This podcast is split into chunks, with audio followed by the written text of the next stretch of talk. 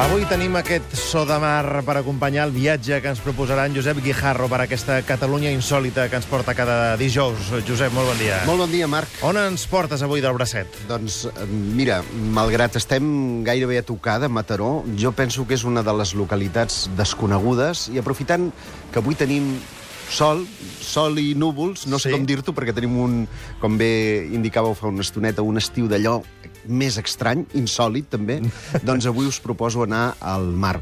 A una Mataró que és curiós, perquè si t'ho planteges seriosament, eh, és una ciutat que sembla que hagi viscut sempre d'esquenes al mar i que segurament hi contribueix aquest efecte psicològic el, la via. Segur que sí. La via, eh? No només a Mataró, sinó moltes poblacions moltes del Maresme. poblati- poblacions del litoral eh, català i especialment del Maresme, doncs es veu aquesta divisió i també la Nacional 2, do, dos, dos fils de comunicació que han incomunicat, eh, diguem-ho així, la ciutat, els eh, mataronins, amb la Mediterrània.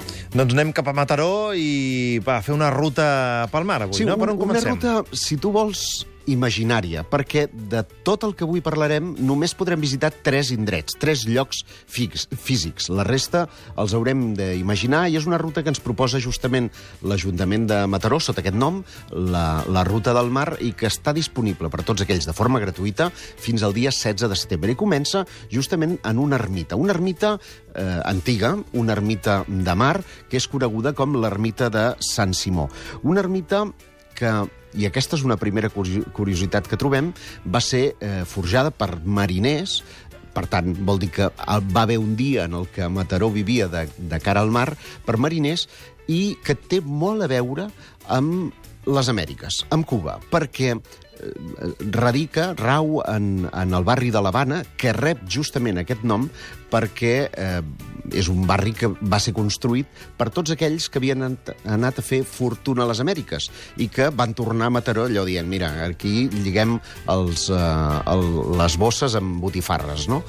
Van fundar aquest, uh, aquest barri i dins d'aquest barri, en un dels recorets, trobarem una petita ermita amb una façana també ja de per si curiosa, perquè hi trobem les dues coses que són fonamentals en la nostra història, els mariners i el camp, el mar i muntanya, eh? anem, anem a dir-ho així, que és eh, obra, la seva façana, de, en aquest cas, un litigi que existien entre els camperols i els mariners. Una ermita que està advocada a Sant Simó perquè era un, Sant Simó era un sant salot. Aquests eh, polítics, eh, mig polítics, mig religiosos que existien eh, a l'antiga, en els temps de, de, de l'antic Israel, de l'antiga Palestina, i que, eh, en aquest cas, va ser sacrificat, com molts altres màrtirs cristians, i que utilitzaven per, com, anem a dir, com a per atemorir els pirates que s'apropaven eh, fins a les costes eh, catalanes.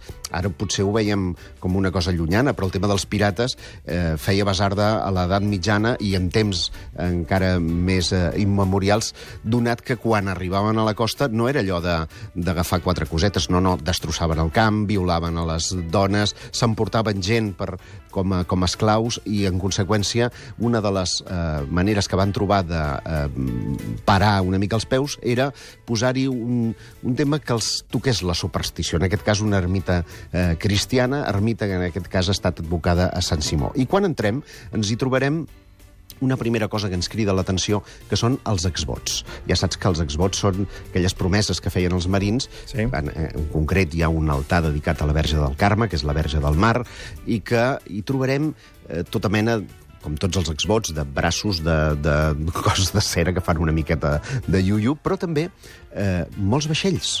I un dels més curiosos és la que es coneix com a coca de Mataró, que, Marc, aquesta no es menja. La coca, exacte, t'anava a dir, la coca de Mataró, que és un vaixell i no pas eh, una coca de Sant Joan, eh? Un vaixell que protagonitza una curiosa història, perquè és una, és una nau de tres, tres cossos, que, que la veurem, que és més gruixuda que no pas eh, eh, de, de llargària, de- d'eslora.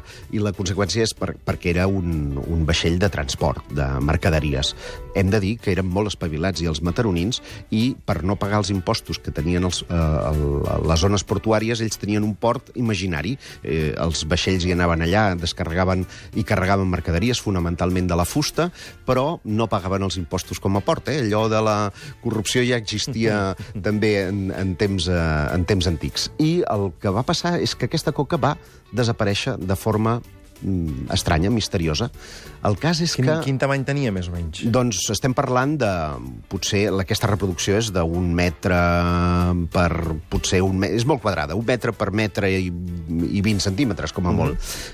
És molt maca, és una reproducció molt fidel del que havia de ser justament aquest eh, vaixell català i mm, eh, se li perd la Va pista desaparèixer. fins que apareix eh, una, una referència de que està a Rotterdam, localitat on encara es pot eh, mm, eh, veure l'original, concretament en, en, en un museu que du per nom Marítim Museum Prince Hendrik i que va ser comprada per 18.000 florins. No se sap molt ben bé a on, perquè, de fet, la coca havia anat a parar inicialment a Nova York, amb la qual cosa ha estat un vaixell allò que ha rotat eh, força.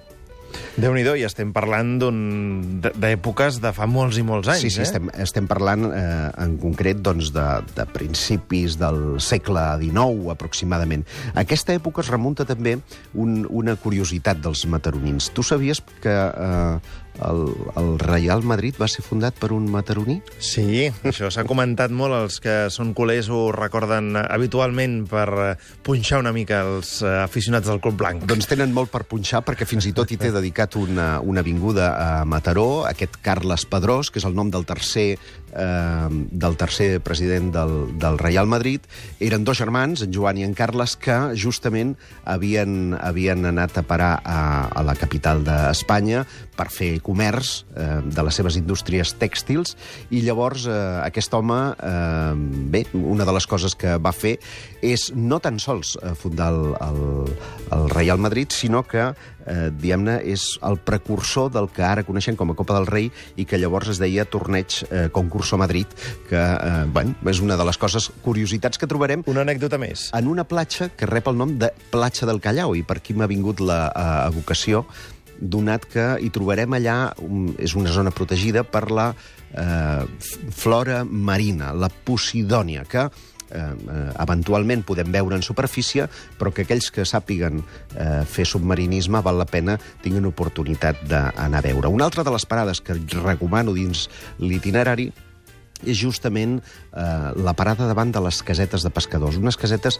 que es conserven des del segle XIX i que hem de pensar, per situar-nos, que eh, composen tota una, un, un, un canvi de paradigma en el que és la moda de l'estiu. Ara ens anem a la platja a posar morenos. Llavors no. Llavors ser moreno eh, implicava haver treballat molt al camp i el que eh, era usual era veure aquells eh, trajes eh, eh, que Sí, de pràcticament llarga de màniga i- llarga que t'arribaven fins al canell pa, eh, amb, les, amb les carbasses, com les que ens, Sí. el Marc ens portava l'altre dia penjant, i mm, això feia que ablanquissin, o sigui, que el sol no els toqués i que, en conseqüència, l'estàndard estètic eh, variés.